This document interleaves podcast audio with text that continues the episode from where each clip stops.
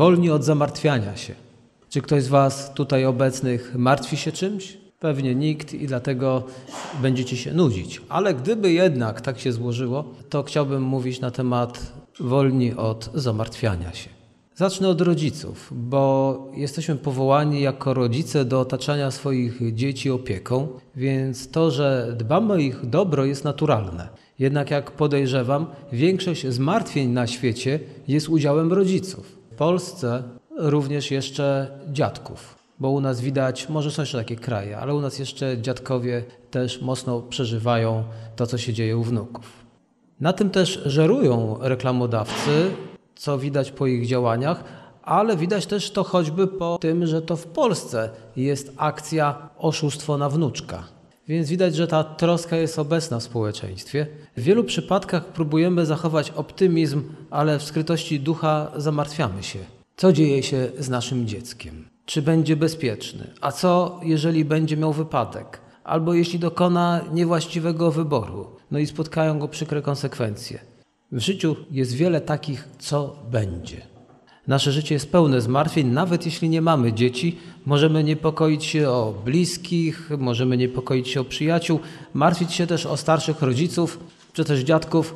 Dowiadujemy się regularnie o tym, że ktoś znajomy bardzo poważnie zachorował albo stracił pracę.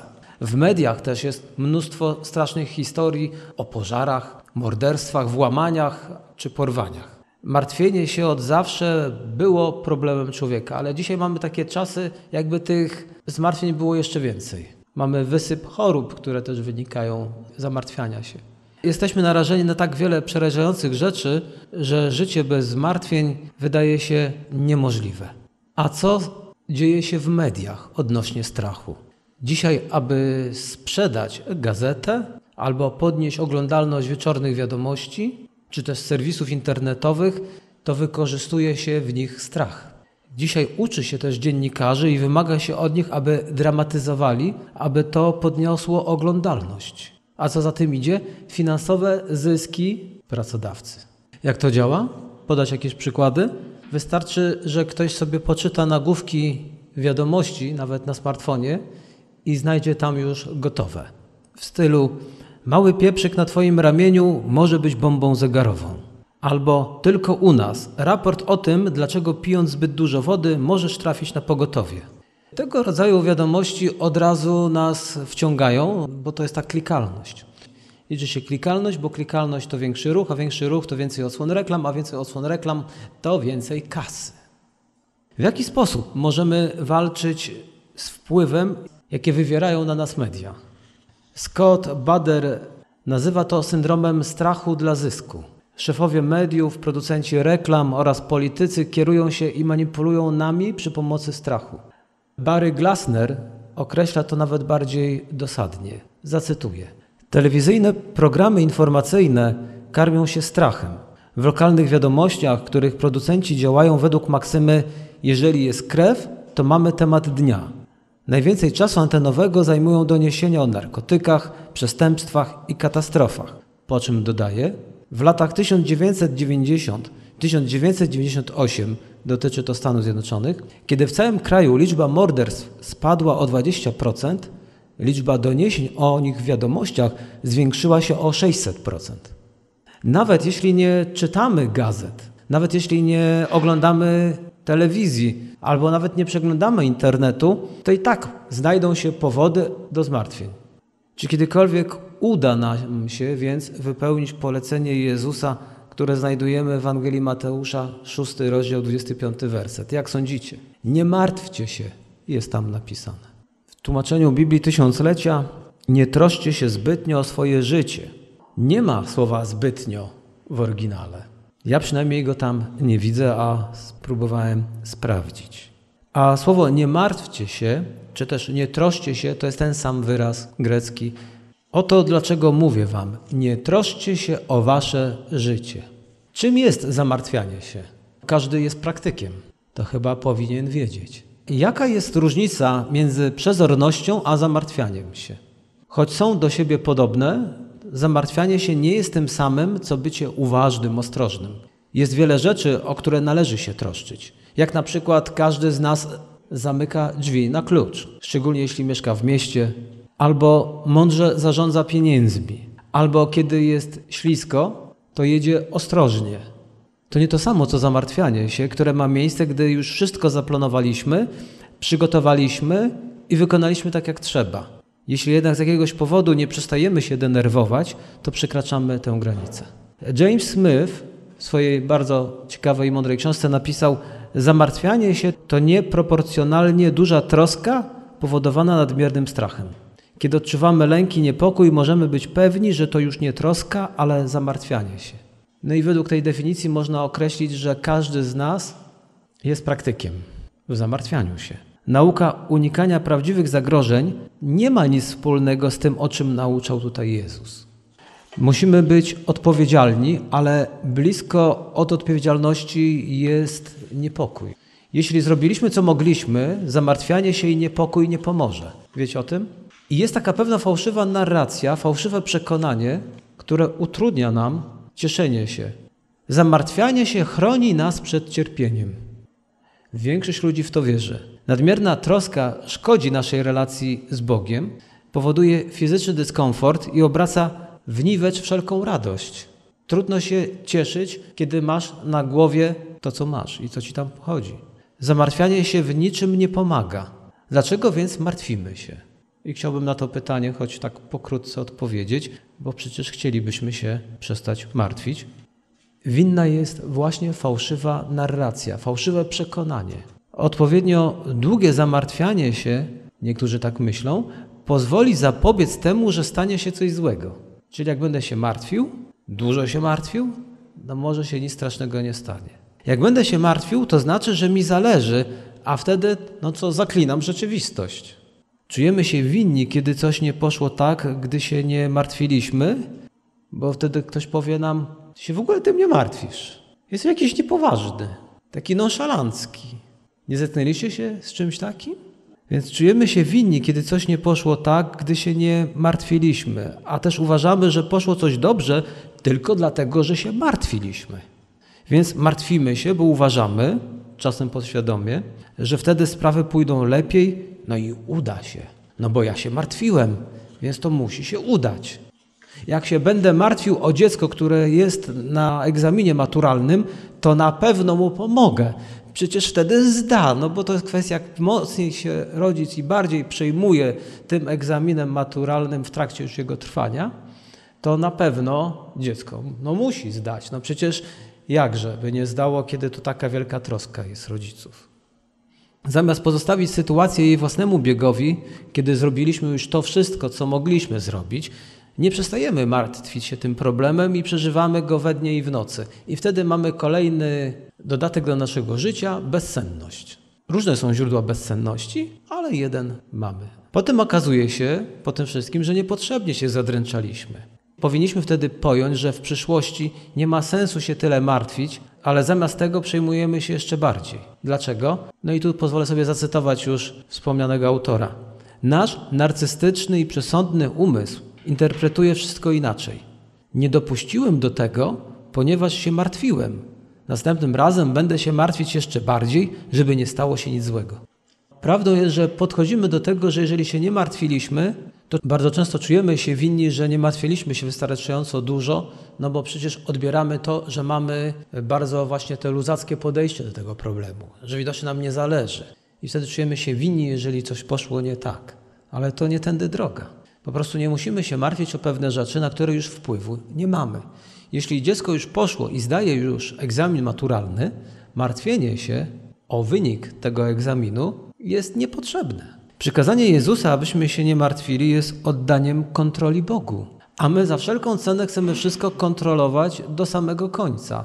Choć nie jesteśmy w stanie kontrolować tego egzaminu przysłowiowego maturalnego dziecka, to jednak zaciskamy zęby, nie możemy się skupić na pracy, tak jakby to miało temu dziecku w czymś pomóc. No ale byłoby tak, jak wspomniałem i to powtórzę, czulibyśmy się winni, gdyby się okazało, że dziecko nie zdało, a my nie przeżywaliśmy tego, że pod nas nie leciał, że nie rzuciliśmy wszelkiej roboty, żeby leżeć i się zamartwiać. No bo dlatego nie zdało. O co nie należy się martwić? Co Pan Jezus ma do powiedzenia? Kiedy Jezus skończył mówić jak to próżność zwodzi na manowce, to jest Ewangelia Mateusza, szósty rozdział, to przeszedł do problemu zamartwiania się. I przeczytamy sobie ten fragment z szóstego rozdziału z Ewangelii Mateusza od wersetu 25 do 32. Dlatego powiadam wam, nie martwcie się o swoje życie, o to, co macie jeść i pić, a nie o swoje ciało, czym się macie przyodziać. Czy życie nie znaczy więcej niż pokarm, a ciało więcej niż odzienie? Przypatrzcie się ptakom podniebnym. Nie sieją ani żną, nie zbierają do spichlerzy, a Ojciec Wasz Niebieski je żywi. Czyż Wy nie jesteście ważniejsi niż one? Kto z Was, martwiąc się, może choćby jedną chwilę dołożyć do wieku swego życia? A o odzienie czemu się martwicie? Przypatrzcie się liliom polnym, jak rosną, nie pracują ani przędą. A powiadam wam, nawet Salomon w całym swym przepychu nie był tak ubrany jak jedna z nich. Jeśli więc ziele polne, które dziś jest, a jutro do pieca będzie wrzucone, Bóg tak przyodziewa, to czyż nie tym bardziej was, ludzie małej wiary? Nie martwcie się zatem i nie mówcie, co będziemy jedli, co będziemy pili, czym będziemy się przyodziewali. Bo to wszystko poganie zabiegają. Przecież Ojciec Wasz Niebieski wie, że tego wszystkiego potrzebujecie. Jezus mówi, że nie musimy martwić się o jedzenie i ubranie. To takie dwie podstawowe troski człowieka, takie dwie najważniejsze potrzeby życiowe. To jest przykład, bo inne troski to już nie są tak strategiczne. Więc jak mamy rozumieć pytanie Jezusa, czyż wy nie jesteście ważniejsi niż one? To nie oznacza, nie musisz martwić się o pożywienie i odzież, wystarczy to, że wierzysz, bo Bóg ci to zapewni. Może niektórzy tak wierzą, to się zawiodą. Nie będziesz miał stolika nakryj się, ani stałego przelewu na konto. Takie stałe zlecenie z nieba na twoje konto. I co miesiąc zaglądasz i ze zdziwieniem patrzysz, znowu są pieniądze. Wielu wierzących mężczyzn, kobiet i dzieci codziennie cierpi głód. Co zatem mówi tutaj Jezus? Wyżej w tym fragmencie przeczytamy takie słowa: Słyszeliście, a ja wam powiadam. To jest to właśnie piękne, co odkryłem, że Jezus zmienia narrację, która funkcjonuje w danym społeczeństwie. Zmienia sposób myślenia, podejścia. To jest tak, że ludzie coś mówią, świat coś mówi, okej, okay, świat tak mówi, słyszeliście, wiecie, ale ja mam wam do powiedzenia. Czyli Jezus przychodzi z inną narracją, z innym sposobem podejścia do pewnych rzeczy. Jest to piękne. Warto sobie kiedyś zrobić studium i zobaczyć, gdzie Jezus zmienia to. Słyszeliście? Ale ja wam powiadam. Tak wam mówili, ale ja mam wam coś innego do powiedzenia. I Jezus dzisiaj ma nam do powiedzenia coś innego niż świat. Można by pomyśleć, że Jezus nakazuje tutaj, byśmy zaufali, iż Bóg zadba o nasze potrzeby bez naszego zaangażowania. Ale zwróćcie uwagę, że ptaki nie są leniwe. Ptaki nie leżą sobie brzuchem do góry i mówią: Czekamy, bo Pan Bóg obiecał nam, że się zatroszczy i ziarno sypnie.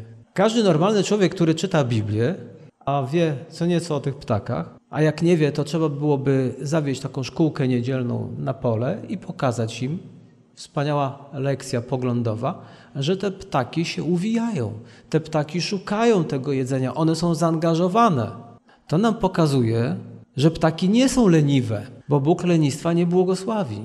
Tak naprawdę te ptaki pracują ciężko. Nie siedzą w gniazdach, czekając, aż Pan Bóg im pokarm przyniesie, ale same aktywnie go poszukują. Przekaz Jezusa jest jasny: jesteście warci dużo więcej niż ptaki. Tu powiem, jeżeli jesteśmy dużo więcej warci niż ptaki, to niektórzy chrześcijanie doszli do wniosku właśnie tego mylnego, że teraz można się rozłożyć, Panie Boże daj.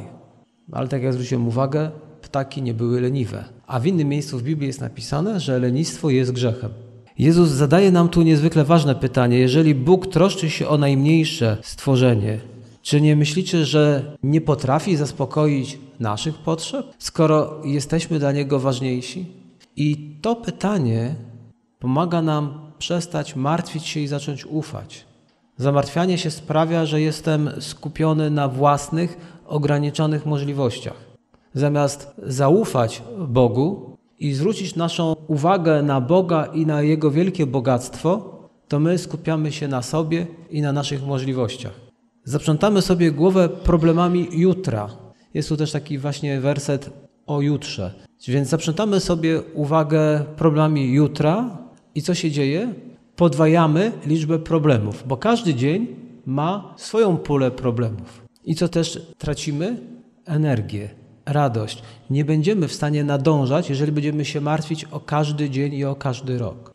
Jeżeli ktoś zawodowo zajmuje się przyszłością, on też nie powinien się martwić, tylko powinien pracować. Ale ja nie muszę się dzisiaj martwić, jaka będzie, to jest tylko przykład, ilustracja. Ja nie muszę się martwić, jaka będzie jutro pogoda. Jeżeli jutro będzie padał deszcz, będę robił to samo, jeśli by jutro padał śnieg. A jeśli nie będzie padał ani deszcz, ani śnieg, tylko będzie świeciło słońce, ja nadal będę robił to samo. Więc śledzenie pogody w telewizji nic nie zmieni w moim życiu, a już martwienie się nic mi nie da. I tutaj możemy sobie wstawić przeróżne rzeczy. Niektórzy nie mogą tego odróżnić od przyjęcia do wiadomości. Więc jeżeli nie umiesz przyjąć czegoś do wiadomości, to może warto unikać wiadomości. Bo nie każdy człowiek, który przyjmuje wiadomości, się tym martwi. On przyjmuje to jako wiedzę i umie z tej wiedzy zrobić użytek. Ale są ludzie, którzy nie potrafią zrobić użytku z wiedzy, tylko od razu się martwią. Dlatego też wiemy o tym, jak wiele osób nie chodzi do lekarza, no bo nie chcą się martwić, na co chorują. Po co się martwić, jak chorujesz? Po prostu przejdźmy do działania.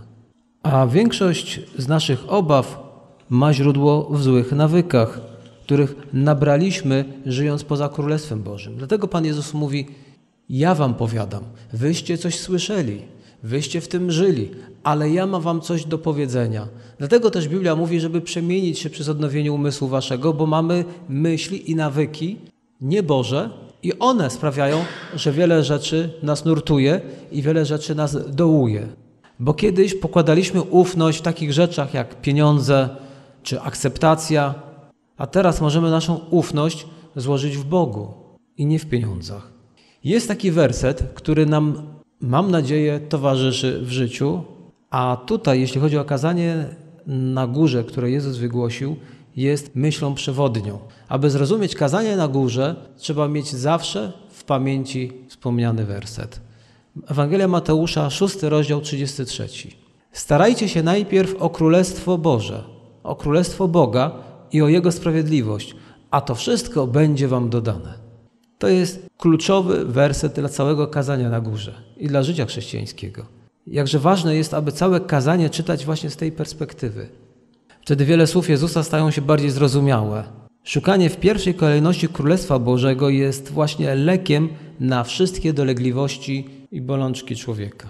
Gdybyśmy te słowa zrozumieli, zrozumieli właściwie, to wtedy gniew, żądza, kłamstwo, zemsta, próżność, chciwość, osądzanie innych i wiele problemów przestałoby być naszymi.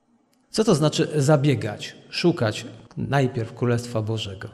To uczynić priorytetem w swoim życiu, najważniejszą troską. Nie oznacza to, że powinniśmy zrezygnować z ciężkiej pracy, ani o nic nie dbać i przestać odpowiedzialnie zarządzać naszym życiem i tym, co posiadamy. Szukając najpierw Królestwa Bożego, woli Bożej, możemy stawić czoła próbom i trudnościom bez lęku, ale z ufnością, że to Bóg nam pomoże i poradzi. Szukajcie najpierw Królestwa Bożego, a to wszystko będzie Wam dodane. Dlaczego wiele osób wierzących doświadcza tyle trosk i bólu? Dlatego, że ten ból i te troski przesunęli na górę, a potem szukanie Królestwa Bożego. Zmienili priorytety. Szukając najpierw Królestwa Bożego, możemy stawić czoła próbom i trudnościom bez lęku i z ufnością, że Bóg potrafi im zaradzić i że to zrobi. Istnieje wiele różnych też dobrych rzeczy, które walczą o naszą uwagę. I chciałbym podać przykłady, żeby to zobrazować. Na przykład, czy powinniśmy pomagać biednym? Oczywiście, ale najpierw musimy starać się o Królestwo Boże. Czy powinniśmy się modlić, podniosę poprzeczkę, albo zwalczać niesprawiedliwość? Tak, ale w pierwszej kolejności musimy szukać Królestwa Bożego. Czy powinniśmy chodzić na nabożeństwa? Czy powinniśmy czytać Biblię? Czy powinniśmy być świadkami Chrystusa? Ale najpierw powinniśmy szukać Królestwa Bożego. Ludziom wierzącym priorytety się też gubią i dlatego mają wiele trosk, wiele zmartwień. Jest ważna kolejność. Nasze życie jest cudowne i pełne wtedy, kiedy żyjemy zgodnie z zasadami Królestwa Bożego. Więc jeżeli szukamy najpierw Królestwa Bożego, będzie się układało. I teraz też ważna rzecz, o której wielu ludzi wierzących nie pamięta, Zwycięstwa i porażki wcale nas nie określają. To kim jesteśmy oraz gdzie mieszkamy definiuje nasze życie. Czyli, że jesteśmy dziećmi Bożymi i mieszkamy w Królestwie Bożym. To nas definiuje. Żadne porażki, jeszcze raz to podkreślę, ani nawet zwycięstwa nas nie definiują. Do Jezusa przyszli Jego uczniowie i mówią, Panie, takie rzeczy robiliśmy. Ale czy to było tam najważniejsze? Co Jezus im odpowiedział na to? Radujcie się raczej. Także możemy dużo rzeczy robić i możemy odnosić zwycięstwa, ale to, co jest dla nas też istotne, możemy podnosić porażki. Coś nam się nie uda, to my odnosimy to, że tacy właśnie jesteśmy, przegrani i to nas osłabia. Zaczynamy się martwić. Ale zamartwianie się nie pozwala nam szukać Królestwa Bożego, tak samo jak służba mamonie uniemożliwia służenie Bogu. To są rzeczy, które się wykluczają. A podkreślę, porażki i zwycięstwa nas nie określają. Powiem tutaj coś więcej. Jeżeli odnosisz porażki, nadal jesteś dzieckiem Bożym. Jeśli odnosisz porażki w życiu finansowe, czy jakieś inne, zawodowe, nadal jesteś dzieckiem Bożym i nadal Pan Bóg Ciebie kocha. Nie przestaje Cię kochać dlatego, że gdzieś przegrywasz na jakichś płaszczyznach swojego życia. Nic się nie zmieniło. Nadal jesteś i tak więcej niż zwycięzcą. Nadal jesteś jako dziecko Boże zwycięzcą, bo, bo masz przebaczenie grzechów, bo masz życie wieczne. Nawet kiedy cię zabiją z powodu wiary w Jezusa, to ty jesteś zwycięzcą. Ktoś może pomyśleć, o, udało mi się tych chrześcijan usunąć, zabić. Ale kto odniósł zwycięstwo? Ci zabici chrześcijanie, którzy zginęli z powodu wiary, oni są zwycięzcami. Więc porażki nie powinny nas określać. A jak to napisał Ellison i Davis w pewnej to książce, niepokój jest czymś głupim i prowadzi wyłącznie do tego, że Bóg przestaje się liczyć. Tak, bo wtedy liczy się ten niepokój. Te moje problemy się liczą. Choć bardzo często, jak zacząłem i teraz przypomnę, nie wniesiemy przez to, że się zamartwiamy, nic do tego, aby się coś zmieniło na lepsze. Apostoł Paweł, słuchając tego, o czym Pan Jezus nauczał, wiedział o tym, bo w liście do Filipian, czwarty rozdział, szósty i siódmy werset napisał: O nic się już nie martwcie, ale w każdej sprawie wasze prośby przedstawiajcie Bogu w modlitwie i błaganiu z dziękczynieniem. A pokój Boży, który przewyższa wszelki umysł, będzie strzegł waszych serc i myśli w Chrystusie Jezusie. Ten sam wyraz grecki i ta sama prawda. O nic się już nie martwcie, on to kieruje do kogo? No do Filipian, nie do mnie. A co by było, gdyby te słowa były skierowane również do ciebie?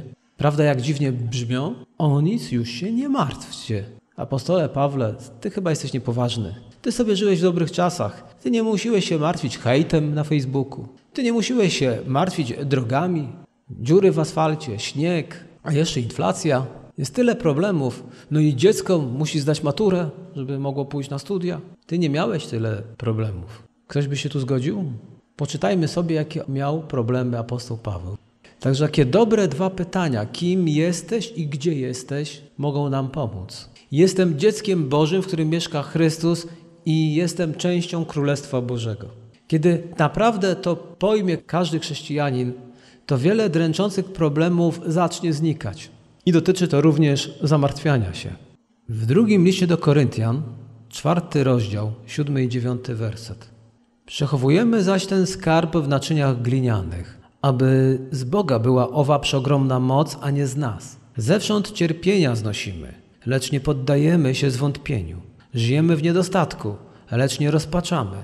Znosimy prześladowania, lecz nie czujemy się osamotnieni. Obalają nas na ziemię, lecz nie giniemy. Wręcz jak manifest to brzmi, a to jest o nas.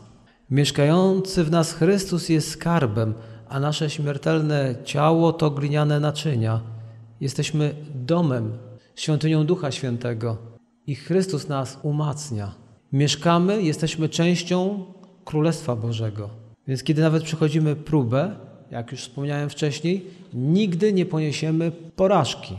Ja wiem, że chodzi tu o takie chwilowe porażki, ale ostatecznie to jesteśmy więcej niż zwycięzcami. Dlaczego więcej niż zwycięzcami? Bo nawet jeśli w tym życiu upadniesz, nie wyjdzie ci biznes, nie pójdzie coś po twojej myśli, to i tak jesteś zwycięzcą. Masz przebaczone grzechy, jesteś częścią Królestwa Bożego, masz życie wieczne z Bogiem. A Pan Bóg obiecuje, że otrze wszelką twoją łzę. Świat nie jest bezpiecznym miejscem. No to jak mogę czuć się tutaj bezpiecznie, ktoś powie. Tak, bo to nie świat daje ci bezpieczeństwo, to Pan Bóg chce dać ci bezpieczeństwo.